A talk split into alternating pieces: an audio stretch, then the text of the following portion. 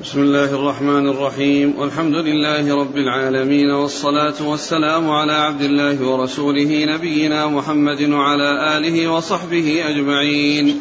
أما بعد فيقول الإمام الحافظ أبو عبد الله بن ماجة القزويني رحمه الله تعالى يقول في سننه باب السحر قال حدثنا أبو بكر بن أبي شيبة قال حدثنا عبد الله بن نمير عن هشام عن أبيه عن عائشة رضي الله عنها أنها قالت سحر النبي صلى الله عليه وسلم يهودي من يهود بني زريق يقال له لبيد بن الأعصم حتى كان النبي صلى الله عليه وسلم يخيل إليه أنه يفعل الشيء ولا يفعله قالت حتى إذا كان ذات يوم أو كان ذات ليلة دعا رسول الله صلى الله عليه وسلم ثم دعا.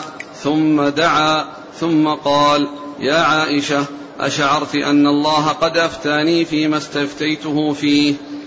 جاءني رجلان فجلس أحدهما عند رأسي والآخر عند رجلي فقال الذي عند رأسي للذي عند رجلي أو الذي عند رجلي للذي عند رأسي ما وجع الرجل؟ قال مطبوب. قال من طبه؟ قال لبيد بن الأعصم قال في أي شيء؟ قال في مشط ومشاطة وجف طلعة ذكر. قال وأين هو قال في بئر ذي أروان. قالت فأتاها النبي صلى الله عليه وسلم في أناس من أصحابه ثم جاء فقال والله يا عائشة لكأن ماءها نقاعة الحناء ولكأن نخلها رؤوس الشياطين. قالت قلت يا رسول الله أفلا أحرقته؟ قال لا أما أنا فقد عافاني الله وكرهت أن أثير على الناس منه شرا فأمر بها فدفنت. بسم الله الرحمن الرحيم الحمد لله رب العالمين وصلى الله وسلم وبارك على عبده ورسوله نبينا محمد وعلى آله وأصحابه أجمعين. أما بعد ف ذكر أورد ابن ماجه رحمه الله هذا الباب في أبواب الطب وهو باب السحر والسحر هو عقد ورقى يستخدم فيها شياطين الإنس شياطين الجن ويحصل فيها التأثير والضرر بإذن الله عز وجل. وقد جاء في القرآن الكريم ذكر السحر وأخبار السحرة وجاء في سنة الرسول صلى الله عليه وسلم وهو شيء حقيقي يعني له وجود. يصيب الإنسان المسحور بإذن الله فيحصل له الضرر بإذن الله عز وجل. و أورد فيه حديث عائشة رضي الله عنها في كون النبي صلى الله عليه وسلم سحر والذي سحره يهودي وهو لبيد بن الأعصم وذكر هذا الحديث المشتمل على بيان ذلك وكذلك جاء في حديث أخرى وهو ثابت عن رسول الله عليه الصلاة والسلام أنه سحر. ولا يؤثر كونه سحر على كونه رسول وعلى رسالته. لأن ما يتعلق بالرسالة معصوم من أن يحصل فيه شيء وإنما الذي يحصل هو ضرر يكون على البدن مثل ما مثل بقية الأمراض بقية الأسقام التي تصيب الإنسان فإن هذا من جنسها وما يتعلق بالرسالة وبالإخبار عن الله عز وجل بالوحي فإنه معصوم من أن يحصل منه شيء خلاف ما أنزله الله عليه وخلاف ما أوحى الله به إليه معصوم من ذلك. صلوات الله وسلامه وبركاته عليه. وإنما هو ضرر وأذى حصل له وعليه الصلاة والسلام تحصل له الأضرار تحصل المصائب له عليه الصلاة والسلام. فهذا من جنسها. ولهذا تكلم العلماء تكلم بعض الناس قديما في آه، آه، الكلام على يعني ما ما يتعلق بسحره عليه الصلاة والسلام وأنه سحر وأنهم أنكروا ذلك بحجة أن النبي صلى الله عليه وسلم لا يناله شيء من ذلك. وهؤلاء آه، كلامهم مخالف ومناقض لما جاء في الأحاديث الصحيحة الثابتة عن رسول الله عليه الصلاة والسلام. ولهذا نقل الحافظ بن حجر في فتح الباري عن المازري وهو من المالكية أنه قال أنكر بعض المبتدعة يعني كون النبي صلى الله عليه وسلم سحر. أنكر بعض المبتدعة أن النبي صلى الله عليه وسلم سحر. فهذا الإنكار إنما هو مخالف لهذه النصوص ولهذا السنة الثابتة عن رسول الله عليه الصلاة والسلام وإذا صح الحديث فإنه يعول عليه ولا يؤثر ذلك على جناب الرسول الكريم صلى الله عليه وسلم من حيث الرسالة وإنما هو من جملة الأسقام والأمراض والبلاء الذي يحصل للإنسان في أعراض الدنيا وأحوال الدنيا ولا علاقة لذلك بالتبليغ بتبليغ الرسالة تبليغ النبي صلى الله عليه وسلم رسالة ربه التي أرسله الله أرسل التي أرسله الله بها صلوات الله وسلامه وبركاته عليه. اقرأ الحديث.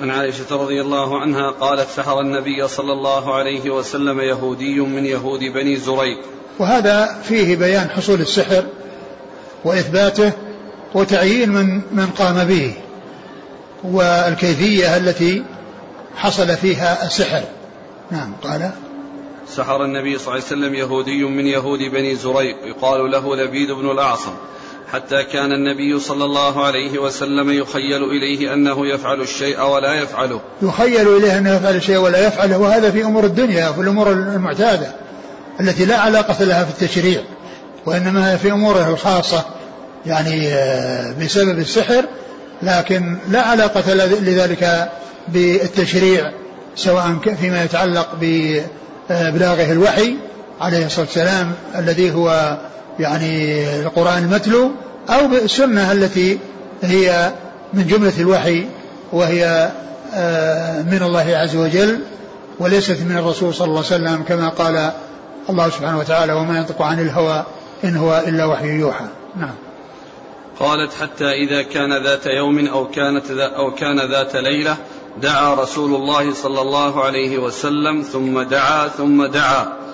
ثم ذكر أن مما عمله الرسول صلى الله عليه وسلم للسلامة من هذا أنه دعا. دعا الله عز وجل. والله عز وجل هو الذي بيده كل شيء. فالإنسان عندما يصيبه البلاء وعندما يصيبه الضرر يفزع إلى الله عز وجل ويسأله ويرجوه لأنه هو الذي هو الذي ينزل البلاء وهو الذي يرفع البلاء. هو الذي بيده ملكوت كل شيء سبحانه وتعالى. فالرسول عليه الصلاة والسلام دعا وكرر الدعاء. نعم. ثم قال يا عائشة أشعرت أن الله قد أفتاني فيما استفتيته فيه؟ نعم. جاءني رجلان فجلس أحدهما عند رأسي والآخر عند رجلي فقال الذي عند رأسي للذي عند رجلي أو الذي عند رجلي للذي عند رأسي ما وجع الرجل؟ أعد.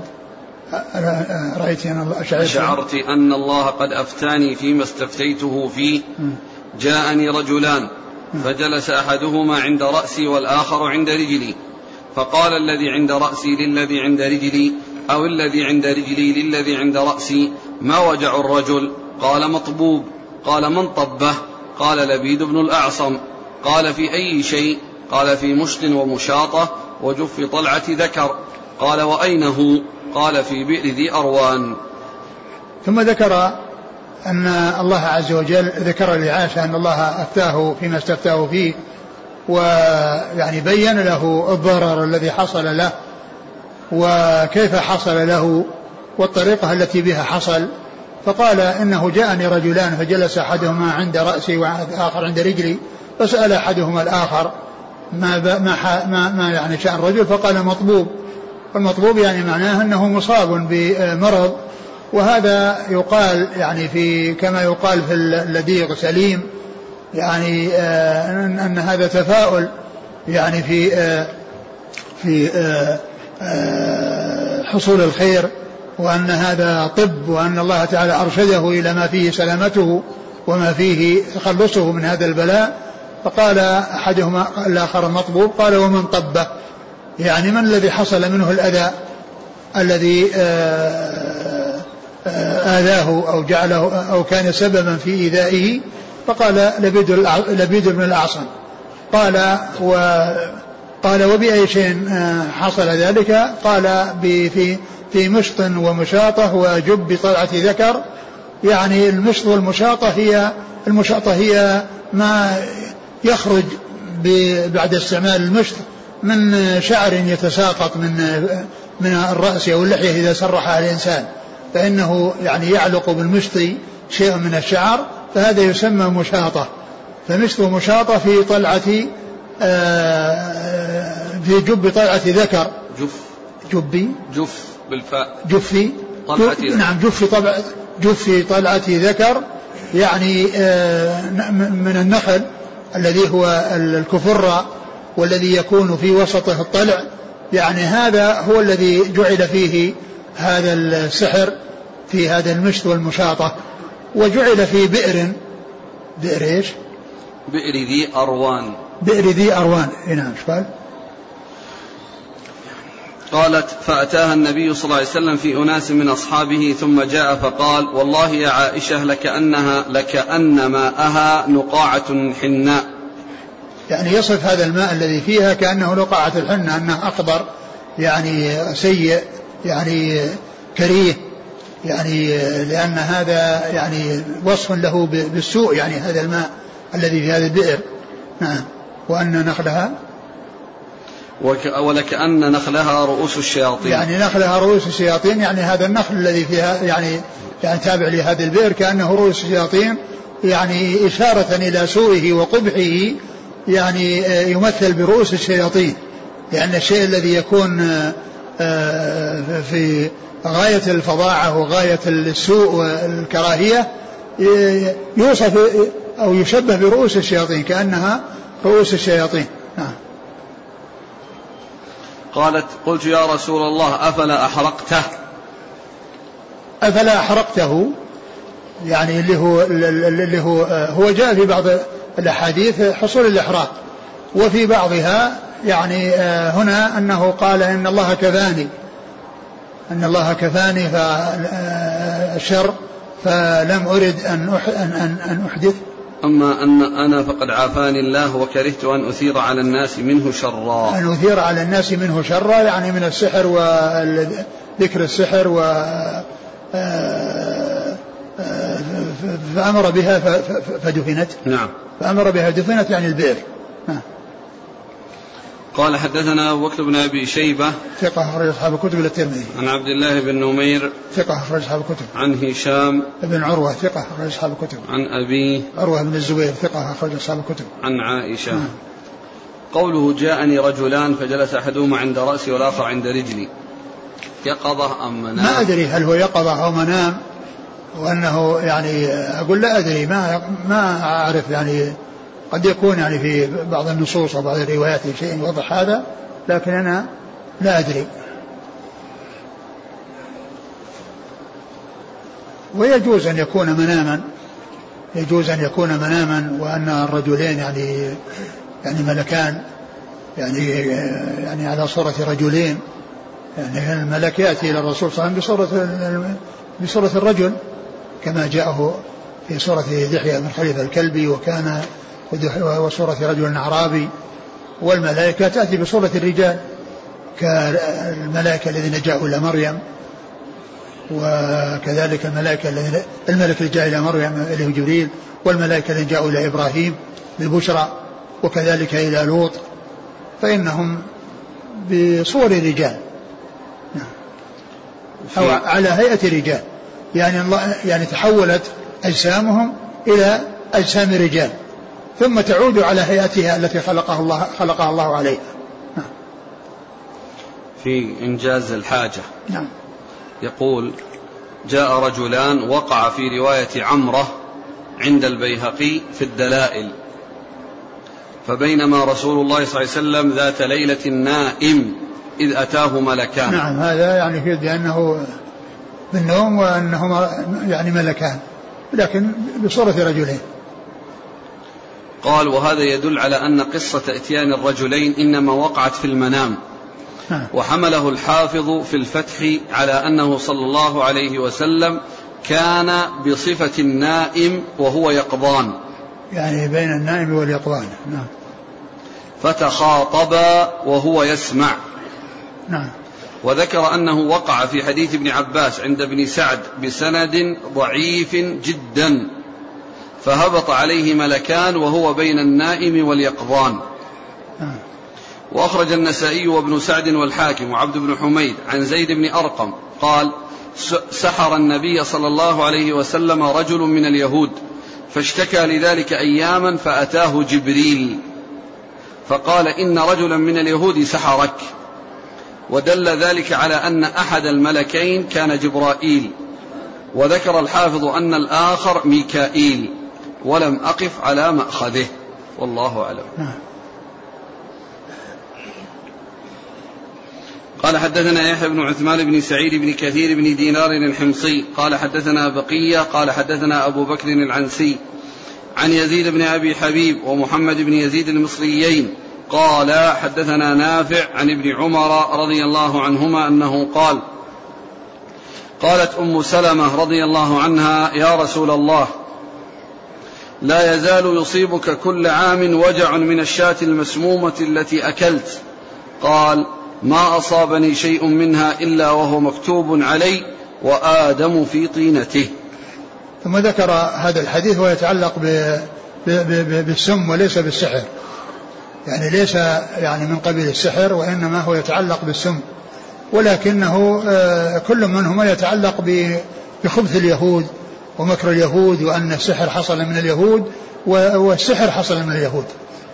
وأما ما يتعلق بترجمة فإن الذي يطابقها الحديث الأول وأما الثاني فإنه لا يطابقها.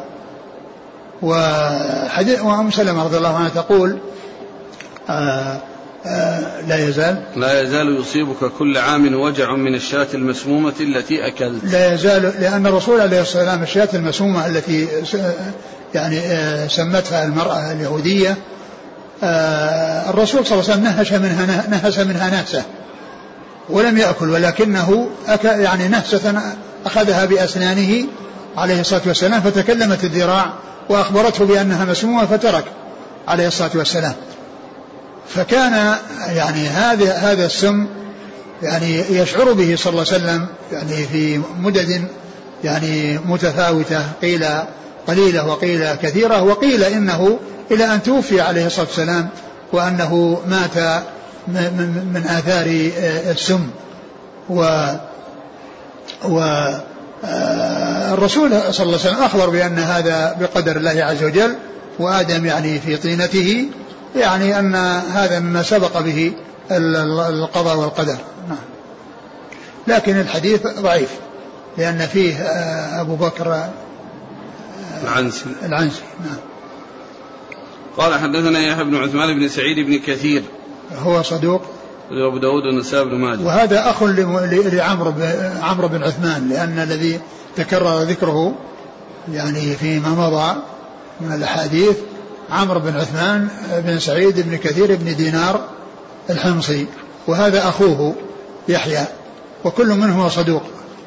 ومر أن عمرو يروي عن أبيه وأبوه ثقة. نعم. عن بقية. بقية بن الوليد وهو ثقة أخرجه البخاري تعليقا ومسلم وأصحاب السنة. صدوق. صدوق. أخرجه البخاري تعليقا ومسلم وأصحاب السنة. عن أبي بكر العنسي. وهنا صرح بالتحذير. آه، أبو بكر العنسي مجهول أخرج له. أبو داود والترمذي وابن ماجه نعم الحكم عليه بالجهالة مجهول الحال هو قال مجهول الحال ولا قال مجهول؟ وقال مجهول ولا مجهول الحال؟ مجهول نعم أي وش وش وش الإشكال؟ الحافظ أحيانا يعني يحكم في في الكنى مثل هذا ومر علينا بالأمس أبو حية يحكم عليه في الكنى بحكم وفي الأسماء بحكم آخر. الآن هذا أبو بكر العنسي بالنون مجهول. قاله ابن عدي من السابعة. نعم. وبعدين؟ قال وأنا يقول الحافظ وأنا أحسب أنه ابن أبي مريم الذي تقدم. نعم. هو ذاك ضعيف أيضا. أي حكم عليه بالضعف. نعم. هنا بالجهالة. مثل أمس أبو حية مرة قال عنه مقبول ومرة قال عنه مجهول. لا بس هنا قال قاله أبو حيان أبو أبو ابن عدي. قاله ابن عدي. مجهول. إيه. وحكم عليه في ابن أبي مريم بأنه يعني ضعيف. وأنه آه، ضعيف. لكن النتيجة واحدة لأن الحديث يعني كل من المجهول والضعيف حديثه غير مقبول.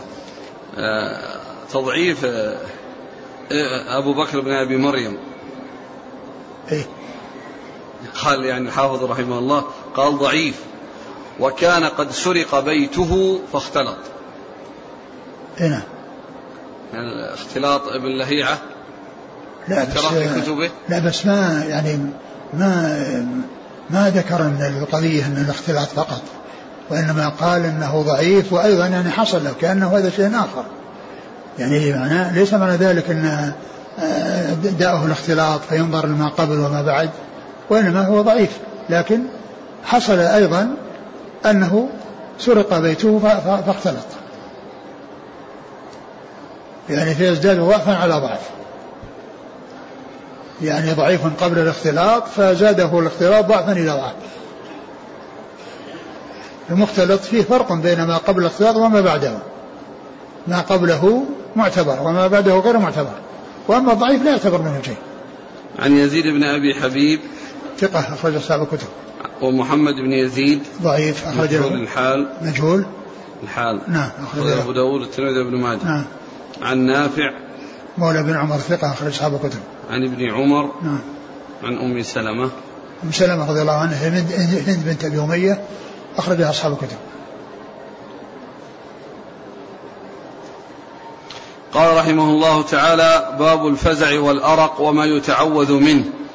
قال حدثنا أبو بكر بن أبي شيبة قال حدثنا عفان قال حدثنا وهيب قال حدثنا محمد بن عجلان عن يعقوب بن عبد الله بن الأشج عن سعيد بن المسيب عن سعد بن مالك رضي الله عنه عن خولة بنت حكيم رضي الله عنها أن النبي صلى الله عليه وسلم قال لو أن أحدكم إذا نزل منزلا قال أعوذ بكلمات الله التامة من شر ما خلق لم يضره في ذلك المنزل شيء حتى يرح حتى يرتحل منه. ثم ذكر باب باب الفزع والأرق والأرق وما يتعوذ منه وما يتعوذ منه. آه الفزع هو ما يحصل الإنسان من خوف وذعر والأرق يعني ما يحصل معه من سهر وعدم آه، حصول النوم له وما يتعوذ به منه يعني عموما فيدخل في ذلك يعني ما هو خاص مثل ما جاء في الترجمة من الفزع والأرق. قال أورد هذا الحديث عن خولة بنت حكيم رضي الله عنها أن النبي صلى الله عليه وسلم قال لو أن أحدكم لو أن أحدكم إذا نزل إذا نزل منزلا قال أعوذ بكلمات الله التامة من شر ما خلق لم يضره شيء لم يضره شيء حتى يرتحل منه. حتى يرتحل منه.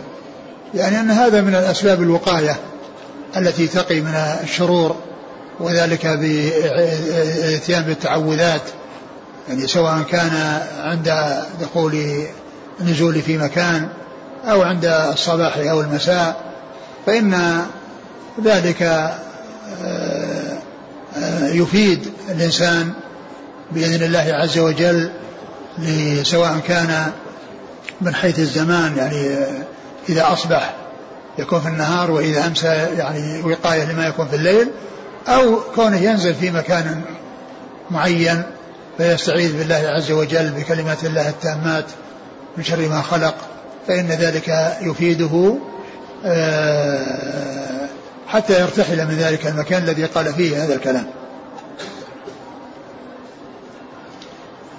لو أن أحدكم إذا نزل منزلا منزل. هذا مطلق. لكن في الغالب يعني آآ آه، آآ آه، أولا يقوله الإنسان في في أي منزل ينزل فيه سواء كان دائما أو أو طارئ. أو طارئ. نعم. قال حدثنا أبو بكر بن أبي شيبة عن عفان. عفان بن مسلم الصفار ثقة أخرج أصحاب الكتب. عن وهيب. وهيب بن خالد ثقة أخرج أصحاب الكتب. عن محمد بن عجلان. وهو صدوق أخرجه البخاري تعليقا. ومسلم أصحاب ومسلم أصحاب السنة. عن يعقوب بن عبد الله بن وقيل أن أمه ولدت حملت به أربع سنين. نعم. عن يعقوب بن عبد الله بن الأشج وهو؟ ثقة البخاري في خلق أفعال العباد ومسلم والترمذي والنسائي بن ماجه. نعم. عن سعيد بن المسيب. سعيد بن المسيب ثقة فقيه أخرج أصحاب الكتب. عن سعد بن مالك. هو سعيد بن أبي وقاص. رضي الله عنه أخرج أصحاب الكتب. عن خولة بنت حكيم. رضي الله عنها أخرج لها. البخاري في خلق أفعال العباد ومسلم والترمذي والنسائي بن ماجه. نعم.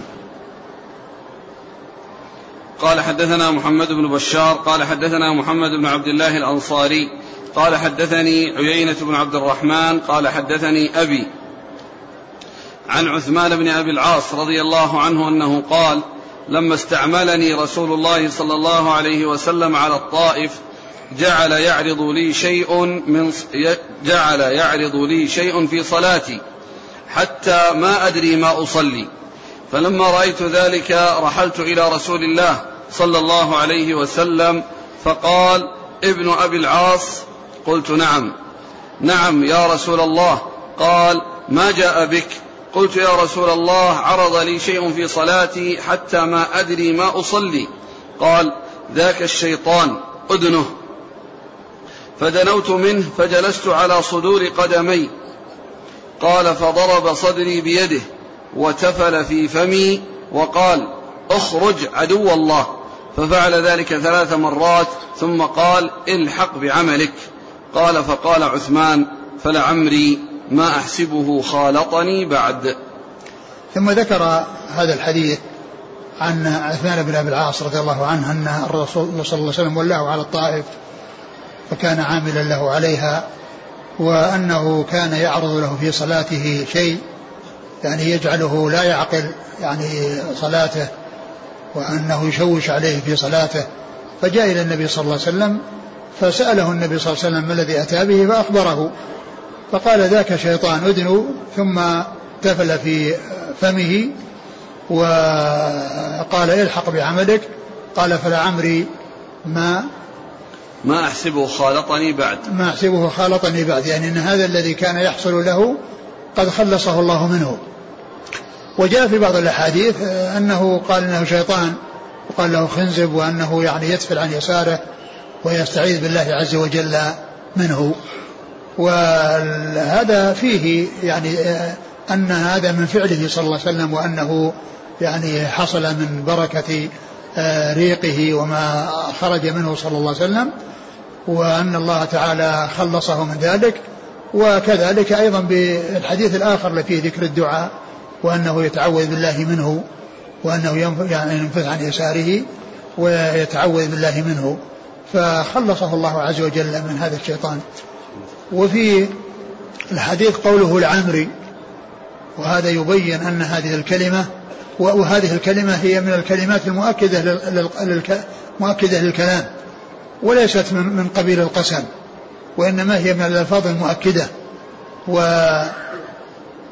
وليست حلف بغير الله عز وجل وإنما هي تأكيد للكلام وقد جاء ذلك في سنة الرسول صلى الله عليه وسلم من قوله وجاء وكذلك من قول أصحابه كما هنا فإن هذا من قول آه، عثمان بن أبي العاص وجاء من قوله صلى الله عليه وسلم في حديث الرقية في قصة أبي سعيد الخدري ورقيته الرجل الذي آه، لدغ وسيد القوم وقال عليه الصلاة والسلام كل فلعمري من أكل برقية باطل فقد أكلت برقية حق. فقوله قال لعمري. وكذلك عائشة رضي الله عنها كما ثبت في الصحيح أنها قالت لعمري ما أتم الله عمره عمرة من لم يسعى بين الصفا والمروة. فكانت هذه من قبيل الألفاظ المؤكدة لا من قبيل القسم. قال حدثنا محمد بن بشار هو الملقب بن دار ثقة أخرج أصحاب الكتب. عن محمد بن عبد الله الأنصاري. وهو ثقة أخرج أصحاب الكتب وهذا من كبار شيوخ البخاري الذين روى عنهم الثلاثيات فهو من أتباع التابعين. هو من أتباع التابعين من من شيوخه الذين روى عنهم الثلاثيات محمد بن عبد الله الأنصاري ومكي بن إبراهيم و, و... وغير وغيرهما. نعم.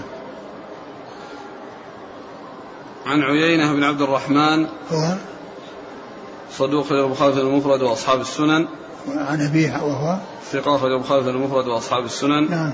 عن عثمان بن أبي العاص. رضي الله عنه أخرجه مسلم وأصحاب السنن.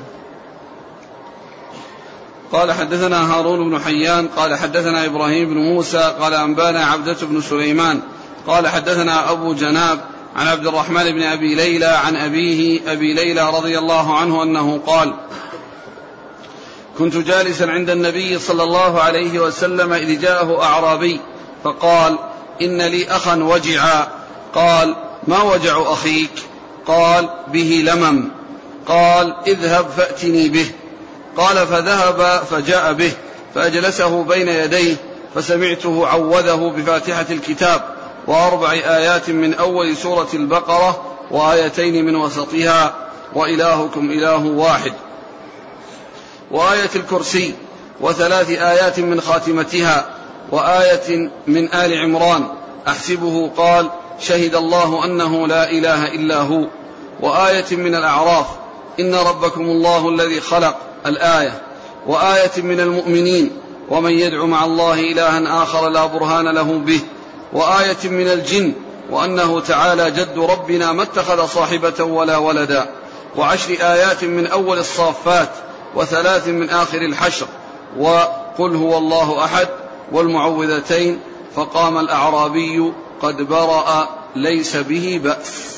ثم ذكر هذا الحديث آه، أن أعرابيا جاء إلى النبي صلى الله عليه وسلم وقال إن أخاه به لمم يعني أصابه يعني شيء من المس. فالرسول طلب صلى الله عليه وسلم طلب إحضاره فأحضره إليه وجعله بين يديه و و وقال إيش؟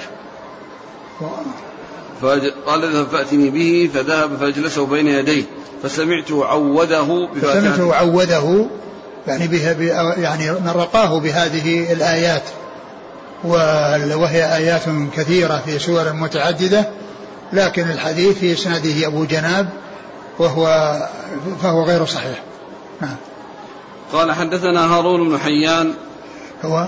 ثقة أخرجه ابن ماجه. نعم. عن إبراهيم بن موسى. وهو؟ ثقة أخرج أصحاب الكتب. نعم. عن عبده بن سليمان. ثقة أخرج أصحاب الكتب. عن أبي جناب. وهو؟ ضعفوه لكثرة تدليسه. نعم. أبو داود الترمذي وابن ماجه. نعم. عن عبد الرحمن بن أبي ليلى. ثقة أخرج أصحاب الكتب. عن أبيه أبي ليلى. أخرج له. أصحاب السنن. نعم.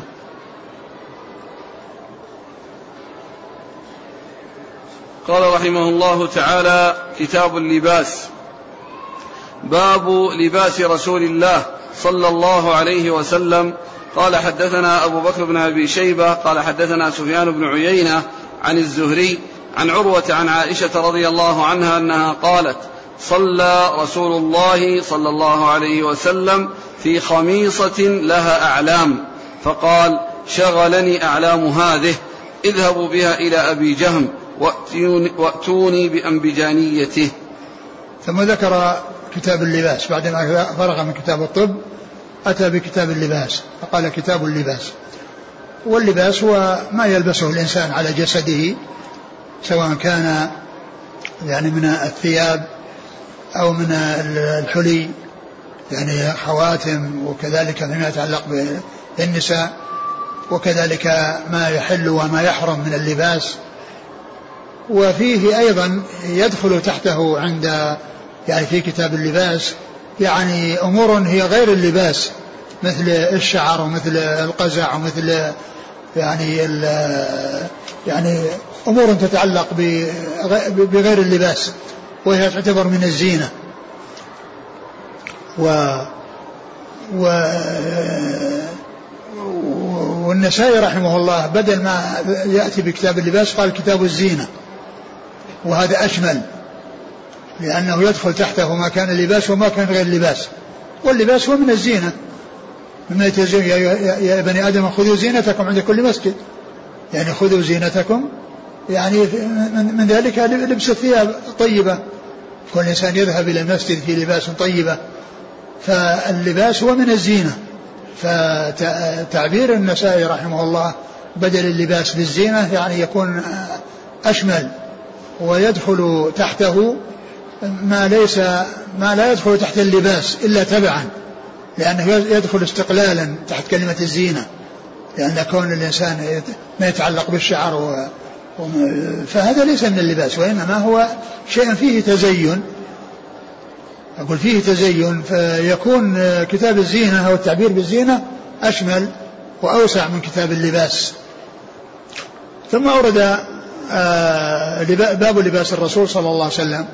يعني الألبسة أو شيء مما أثر عنه وجاء عنه بما يتعلق بلباسه صلى الله عليه وسلم.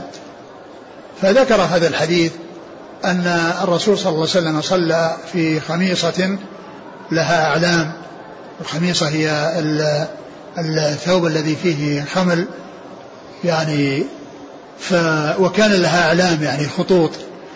فقال إنها ألهتني عن صلاتي. ائتوني اذهبوا بها وأتوني بأنبجانية أبي أبي جهم ائتوني بأنبجانية أبي جهم. يعني وهي لباس ليس فيه أعلام ليس فيه أعلام.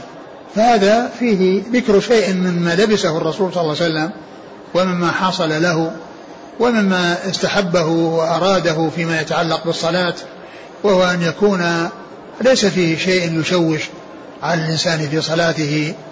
من حيث الخطوط التي تكون في لباسه. نعم. قال حدثنا أبو بكر بن أبي شيبة عن سفيان بن عيينة ثقة أخرج أصحاب الكتب. عن الزهري. محمد بن مسلم بن عبد الله بن شهاب ثقة أخرج أصحاب الكتب. عن عروة عن عائشة. نعم. قال حدثنا أبو بكر بن أبي شيبة. قال حدثنا أبو أسامة. قال أخبرني سليمان بن المغيرة عن حميد بن هلال عن أبي بردة أنه قال دخلت على عائشة رضي الله عنها فأخرجت لي إزارا غليظا من التي تصنع باليمن وكساء من هذه الأكسية التي تدعى الملبدة وأقسمت لي لقبض رسول الله صلى الله لقبض رسول الله صلى الله عليه وسلم فيهما. ثم ذكر هذا الحديث عن أبي بردة عن عائشة رضي الله عنها أنه دخل عليها فأخرجت له إزارا من الازر الغليظة التي تصنع في اليمن و, و وقال وكساء وكساء الذي هو يعني رداء وكساء أو رداء أو شيء أوسع من الرداء أو أكبر من الرداء لأن فيه ازار ومع الإزار هذا هذا الكساء. نعم. التي تدعى الملبدة. تدعى الملبدة يعني كأنها يعني ثقينة وسميكة وأن فيها يعني آه يعني منها سميكة أو أنه آه يعني آه في داخلها شيء يجعلها متلبدة. نعم. وأقسمت لقبض الرسول صلى الله عليه وسلم فيهما. وأقسمت لقبض النبي صلى الله عليه وسلم فيهما. يعني هذان اللذان أطلعت أبا بردة عليهما. هما اللباس الذي كان عليه صلى الله عليه وسلم لما مات. اللباس الذي كان عليه صلى الله عليه وسلم لما مات.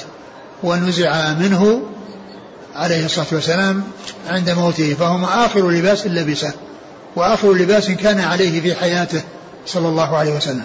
نعم. قال حدثنا أبو بكر بن أبي شيبة عن أبي أسامة. وفيه الحلف بدون استحلاف الأخبار بالشيء وتحقيقه بالحلف من غير استحلاف. نعم. حدثنا أبو بكر بن أبي شيبة عن أبي أسامة. أبو أسامة حماد بن أسامة ثقة أخرج أصحاب الكتب. عن سليمان بن المغيرة وهو؟ ثقة في أصحاب الكتب. نعم. عن حميد بن هلال وهو؟ ثقة في أصحاب الكتب. نعم. عن أبي بردة. أبو بردة بن أبي موسى الأشعري ثقة أخرج أصحاب الكتب. عن عائشة. نعم. قال حدثنا أحمد بن ثابت الجحدري قال حدثنا سفيان بن عيينة عن الأحوص بن حكيم عن خالد بن معدان عن عبادة بن الصامت رضي الله عنه أن رسول الله صلى الله عليه وسلم صلى في شملة قد عقد عليها.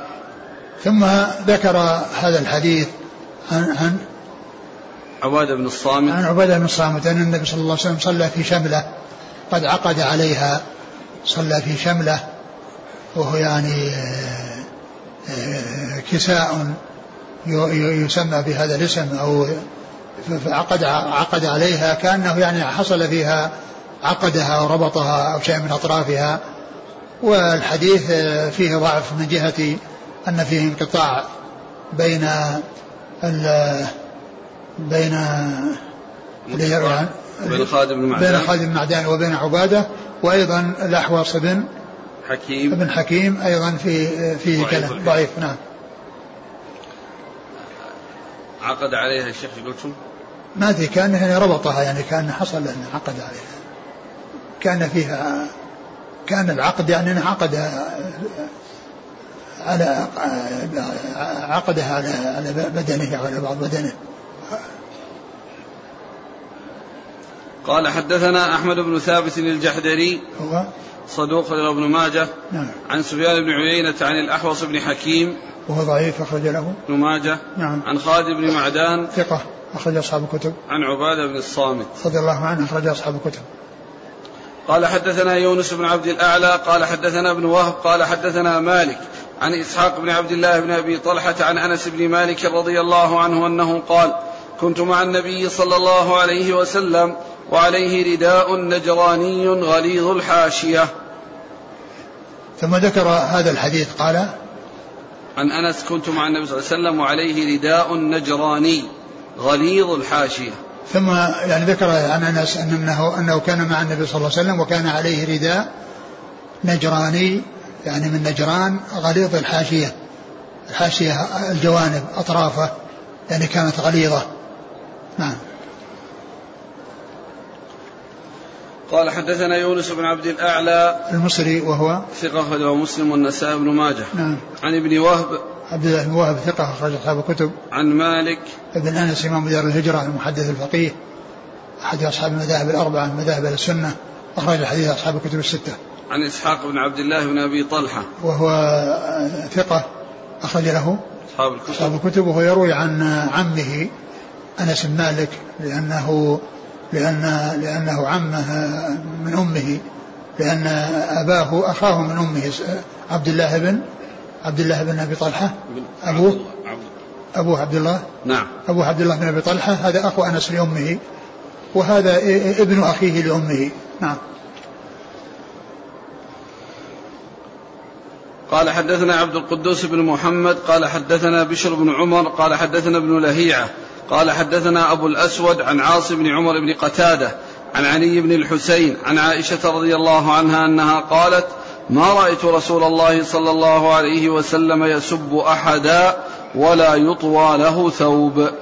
ثم ذكر هذا الحديث عن عائشة ما رأيت النبي صلى الله عليه وسلم يسب أحدا يعني أنه يتكلم بالكلام الذي فيه سب ولا يطوى له ثوب ولا يطوى له ثوب. يعني فسر يعني قوله لا يطوى له ثوب له ثوب أنه يعني إنه لا يطوى له فإذا لبس لباسا جديدا و فإن الخلق, الخلق هذا لا يطوى ويحتفظ به وإنما يتصدق به فلا يطوى له ثوب يعني معناه أنه يتصدق به ولا يترك ويحتفظ به. نعم. قال حدثنا عبد القدوس بن محمد هو؟ صدوق البخاري والترمذي والنسائي بن ماجه. نعم. عن بشر بن عمر وهو ثقة أصحاب الكتب. نعم. عن ابن نهيعة. وهو وهو صدوق اختلط وما كان قبل الاختلاط معتبر وما لم يكن بعده فإنه لا يعتبر. وهنا هذا الشخص ليس ممن ذكر أنه سمع منه قبل الاختلاط فيضعف الحديث بسبب ابن لهيعة نعم. مسلم وداود الترمذي وابن ماجه. نعم. عن أبي الأسود وهو محمد بن عبد. الرحمن يتيم عروة. ثقة أخرج أصحاب الكتب. عن عاصم بن عمر بن عمر بن قتادة. وهو ثقة أخرج أصحاب الكتب. نعم. عن علي بن الحسين. رضي الله عنه وهو, رحمه الله ثقة أخرج أصحاب الكتب. عن عائشة. نعم. البوصيري يقول هذا إسناد ضعيف لضعف عاصم بن عمر. ما ما ما أدري وجه هذا التضعيف. هو آفته باللهيعة ما ذكره السندي ولا يطوى له ثوب بأن يكون له ثوبان فيلبس واحدا ويطوى يطوى له غيره إلى يوم الحاجة. يعني فسر ب... ب... وفي تفسير ثالث أيضا عندك بعد. في تفسير آخر غير هذا. هي ثلاثة تفسيرات. هذا لكن فسر بأنه لا لا يطوى له ثوب أنه يعني لا يحتفظ به. والثاني أنه أنه لا يطوى له. إلا وقت الحاجة يعني أنه مثل ذاك يعني مطابق لذاك لأنه يتصدق به لا يطوى له ثوب يحتفظ به. يعني فيكون عن مآله إلى مثل ذاك لكن في تفسير آخر غير هذا. هو موجود عندك؟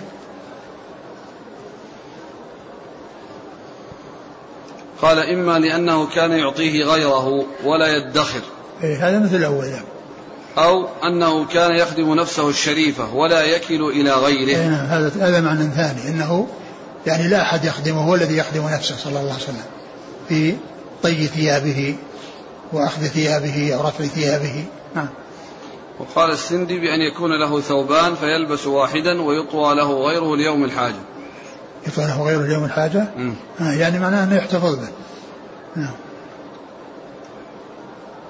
يكون يعني يخالف الأول. يعني ذاك يتصدق به وهنا يحتفظ به. لكن الحديث غير صحيح. قال حدثنا هشام بن عمار قال حدثنا عبد العزيز بن أبي حازم عن أبيه عن أبي عن سهل بن سعد الساعدي رضي الله عنهما أن امرأة جاءت إلى رسول الله صلى الله عليه وسلم ببردة. قال وما البردة؟ قال الشملة. قالت يا رسول الله إني نسجت هذه بيدي لأكسوكها فأخذها رسول الله صلى الله عليه وسلم محتاجا إليها فخرج علينا فيها وإنها لإزاره فجاء فلان بن فلان رجل سماه يومئذ فقال يا رسول الله ما أحسن هذه البردة؟ اكسنيها. قال نعم. فلما دخل طواها وأرسل بها إليه فقال له القوم والله ما أحسنت. كسيها النبي صلى الله عليه وسلم محتاجا إليها ثم سألته إياها وقد علمت أنه لا يرد سائلا فقال إني والله ما سألته إياها لألبسها ولكن سألته إياها لتكون كفني. فقال سهل فكانت كفنه يوم مات. ثم ذكر هذا الحديث أن امرأة جاءت إلى النبي صلى الله عليه وسلم وقالت إن معها بردة وأنها تريد إعطاها للرسول صلى الله عليه وسلم ليلبسها ولتكسوه بها. وقال البردة هي الشملة يعني البرده قال هي الشملة يعني أنه يشتمل به يعني يشتمل بها. فأخذها النبي صلى الله عليه وسلم ولبسها. فقال رجل من الصحابة يا رسول الله اكسنيها. فالرسول صلى الله عليه وسلم قال نعم. فدخل بيته وخلعها وأتى بها وأعطاها إياه فلامه بعض أصحاب الرسول صلى الله عليه وسلم وقالوا إن أنه لبسها محتاجا إليها وسألته وقد علمت أنه لا يرد سائلا. فكان جوابه رضي الله عنه أن قال إنني لم أسأله إياها لألبسها وأكتسيها وإنما سألته إياها لتكون كفني. فيريد من ذلك ما لمس جسده صلى الله عليه وسلم لكونها لبسها صلى الله عليه وسلم وهي نظيفة وجديدة ولكن لبسها النبي صلى الله عليه وسلم فمست جسده صلى الله عليه وسلم فأراد أن تكون كفنه أراد أن تكون كفنه لأنها مست جسد رسول الله صلى الله عليه وسلم. فهذا يعني رغبة طيبة ورغبة جميلة. وصحابة لاموه ولكنه بين مقصوده ومراده من ذلك. وهذا يدل على أن كون الإنسان يحتفظ بالكفن وأن يكون عنده كفن يحتفظ به آه، فإن ذلك لا بأس به. يحتفظ بالكفن حتى إذا حصل شيء وإذا الكفن موجود ما يحتاج إلى الناس يبحثون. أن ذلك سائغ ولا بأس به. نعم.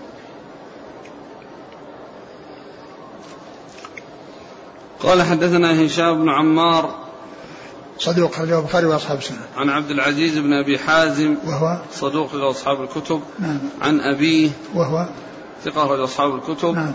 عن سهل بن سعد الساعدي. رضي الله عنه أخرج أصحاب الكتب. قال حدثنا يحيى بن عثمان بن سعيد بن كثير بن دينار الحمصي قال حدثنا بقية بن الوليد عن يوسف بن أبي كثير عن نوح بن ذكوان عن الحسن عن أنس رضي الله عنه أنه قال لبس رسول الله صلى الله عليه وسلم الصوف واحتذى المخصوف ولبس ثوبا خشنا خشنا. ثم ذكر هذا الحديث أن النبي صلى الله عليه وسلم لبس الصوف واحتذى المخصوف. احتذى يعني جعله حذاء المخصوف الذي خرز ولبس ثوبا خشنا خشنا, خشنا, خشنا. و آه، لبس الصوف ومن الألبسة الغليظة. وكذلك احتذى المخصوف الذي هو الحذاء المخروز. ولبس ثوبا خشنا خشنا. والحديث فيه آه، ضعيف من من من وجوه عديدة. نعم. قال حدثنا يحيى بن عثمان بن سعيد بن كثير الحمصي عن بقية بن الوليد. بقية بن الوليد آه، مدلس هنا هو صدوق. وهنا روى بالعنعنة وهو مدلس. عن يوسف بن أبي كثير. وهو ضعيف. مجهول. مجهول. وذو ابن ماجه. نعم. عن نوح بن ذكوان. وهو ضعيف. ضعيف. ابن ماجه. نعم. عن الحسن عن أنس. الحسن بن الحسن وهو ثقة. أخرج أصحاب الكتب وهو مدلس وقد عن عن فهذه أربع علل في هذا الإسناد. عن عنة بقية وعن عنة الحسن وجهالة يوسف. يعقوب يوسف. جهالة يوسف ويعني ضعف نوح. نوح. نعم. قال رحمه الله تعالى باب ما يقول الرجل إذا لبس ثوبا جديدا. قال حدثنا أبو بكر بن أبي شيبة قال حدثنا يزيد بن هارون قال حدثنا أصبغ بن زيد. قال حدثنا أبو العلاء عن أبي أمامة رضي الله عنه أنه قال لبس عمر بن الخطاب رضي الله عنه ثوبا جديدا فقال الحمد لله الذي كساني ما أواري به عورتي وأتجمل به في حياتي. ثم قال سمعت رسول الله صلى الله عليه وعلى آله وسلم يقول من لبس ثوبا جديدا فقال الحمد لله الذي كساني ما أواري به عورتي وأتجمل به في حياتي ثم عمد إلى الثوب الذي اخلق الذي أخلق أو ألقى فتصدق به كان في كنف الله وفي حفظ الله وفي ستر الله حيا وميتا. قالها ثلاثا. ثم ذكر هذا الحديث باب ما يقوله إذا لبس ثوبا جديدا وذكر هذا الحديث عن عمر أنه قال الحمد لله الذي كساني ما أواري به عورت عورتي. وتجمل به. في حياتي. وذكر يعني آه، أنه سمع أن أنه سمع ذلك من رسول الله صلى الله عليه وسلم. والحديث آه، في إسناده آه، أبو العلاء الشامي وهو مجهول, مجهول. نعم. قال حدثنا أبو بكر بن أبي شيبة عن يزيد بن هارون ثقة أخرج أصحاب الكتب. عن أصبغ بن زيد وهو صدوق له أبو داود في المسائل والترمذي والنسائي بن ماجه. نعم. عن أبي العلاء وهو مجهول أخرج له الترمذي وابن ماجه. نعم. عن أبي أمامة سدي بن عجلان الباهلي رضي الله عنه أخرج أصحاب الكتب. عن عمر عمر بن الخطاب رضي الله عنه أمير المؤمنين وثاني الخلفاء الراشدين الهاديين المهديين صاحب المناقب الجمة والفضائل الكثيرة وحديثه عند أصحاب الكتب الستة. ثم عمد إلى الثوب الذي أخلق. نعم الثوب القديم الذي صار خلقا فتصدق به. أو ألقى. أو ألقى يعني الذي خلعه ألقاه عن نفسه. نعم. يعني العبارة إما أخلق أو ألقى. أخلق يعني صار خلقا ألقى يعني خلعه ألقاه. نعم نعم قال حدثنا الحسين بن مهدي قال حدثنا عبد الرزاق قال أنبأنا معمر عن الزهري عن سالم عن ابن عمر رضي الله عنهما أن رسول الله صلى الله عليه وسلم رأى على عمر رضي الله عنه قميصا أبيض فقال ثوبك هذا غسيل أم جديد؟ قال لا بل غسيل. قال البس جديدا وعش حميدا ومت شهيدا. ثم ذكر هذا الحديث عن عمر أن أنه لبس رآه النبي صلى الله عليه وسلم وقع عليه ثوب أبيض. فقال ثوبك هذا جديد أم غسيل؟ قال بل غسيل. فقال البس جديدا وعش حميدا ومت شهيدا. يعني أن هذا يعني دعاء له صلى الله عليه وسلم بأن يلبس الجديد وأن يعني وأن يعيش حميدا وأن يموت شهيدا. وقد كان ذلك كذلك رضي الله عنه فإنه عاش حميدا ومات شهيدا. وقد سأل الشهادة قال اللهم إني أسألك شهادة في سبيلك ووفاة في بلد رسولك صلى الله عليه وسلم. وقد حصل له ذلك بأن توفي في بلد الرسول صلى الله عليه وسلم وكان شهيدا وأخبر النبي صلى الله عليه وسلم بأنه شهيد كما في بعض الأحاديث ودفن بجوار رسول الله صلى الله عليه وسلم. نعم.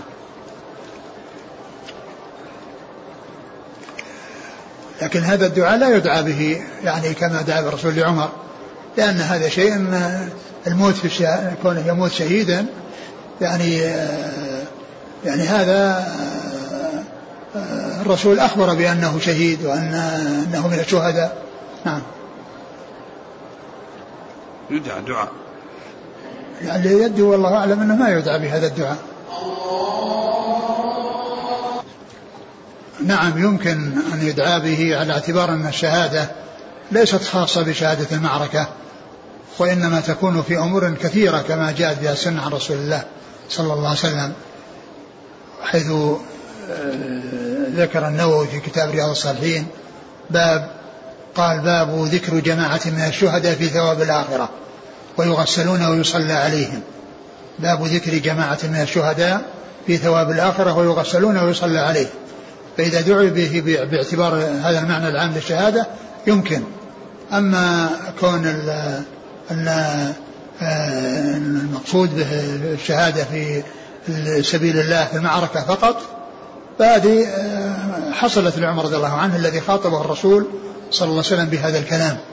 ويمكن أن تحصل لغيره لكن آه، لكل من لبس جديدا يعني يدعى له بهذا الدعاء الذي فيه الشهادة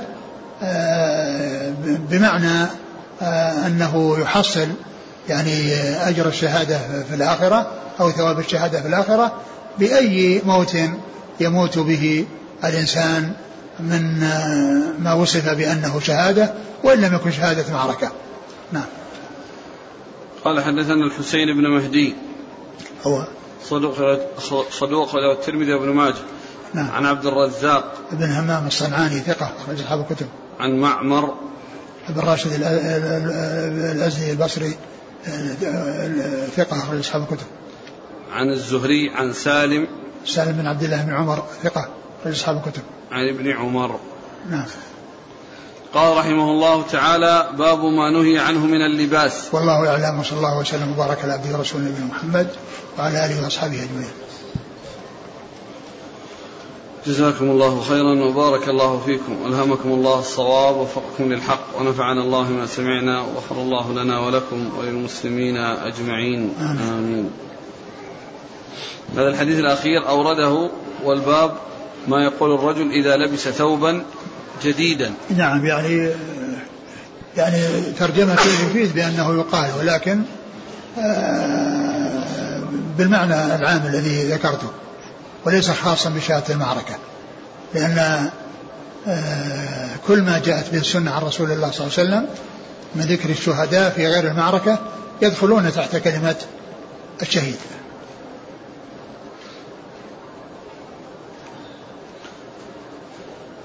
بالنسبة لإتلاف السحر يقول هل يحرق السحر أم ماذا يفعل فيه؟ نعم يحرق إذا إذا إذا ظفر به يحرق بعضهم يقول قبل الفتح قبل الحرق نفك العقد قبل إيش؟ قبل أن نحرقه أه. نفك العقد اللي فيه لأن أحيانا يعني الذين يتعاملون مع هذه الأشياء يجدون يعني أشياء صعبة صعبة الفك. فهل يدف يحرق مباشرة؟ لا يحرق يحرق. ليس بلازم. كل عقدة تفك عليها إيش؟ تفك وإيش؟ ويقرأ عليها. والله ما ما نعلم. ما نعلم شيء يدل على هذا.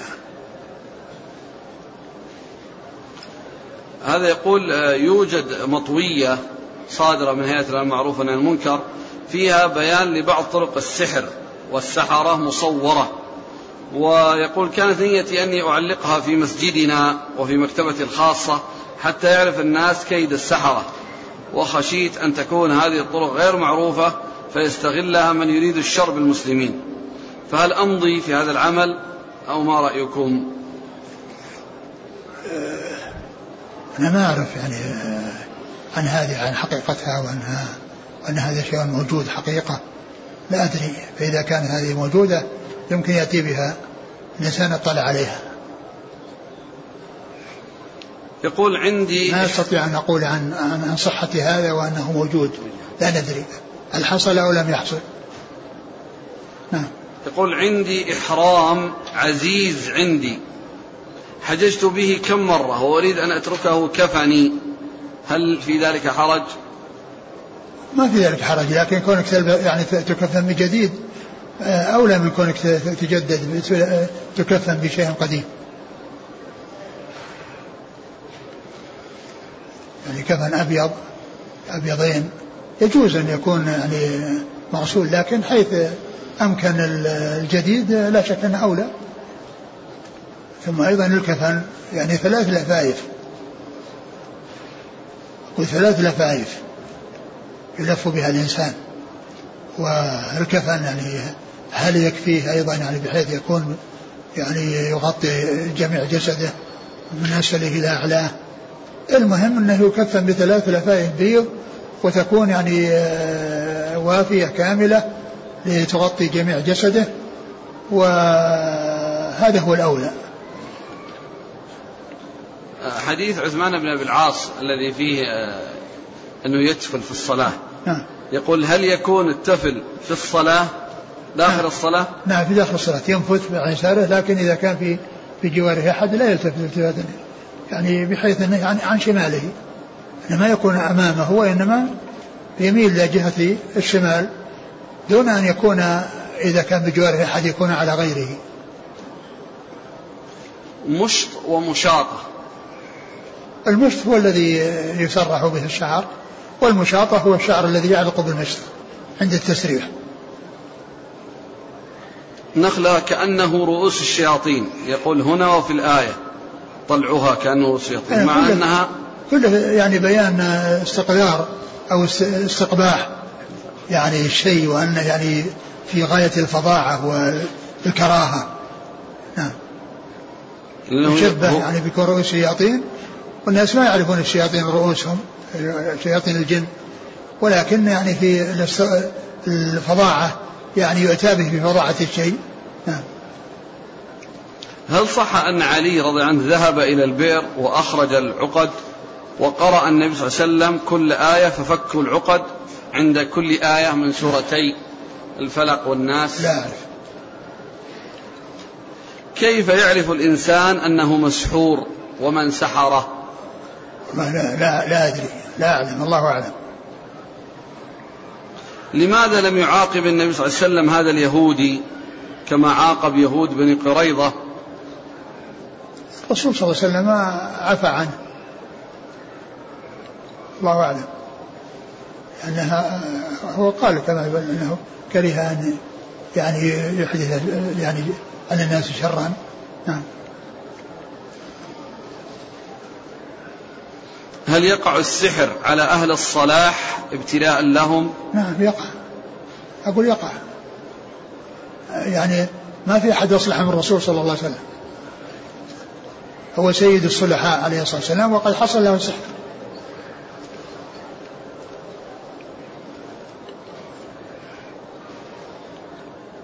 يقول من أراد أن يمسح على جسمه بالمعوذات. هل لا بد من المباشرة اليدين للجسم أم على ظاهر الثياب؟ لا على ظاهر الثياب. يمكن على ظاهر الثياب. إذا كان إنسان عليه ثيابه يمسح عليهما.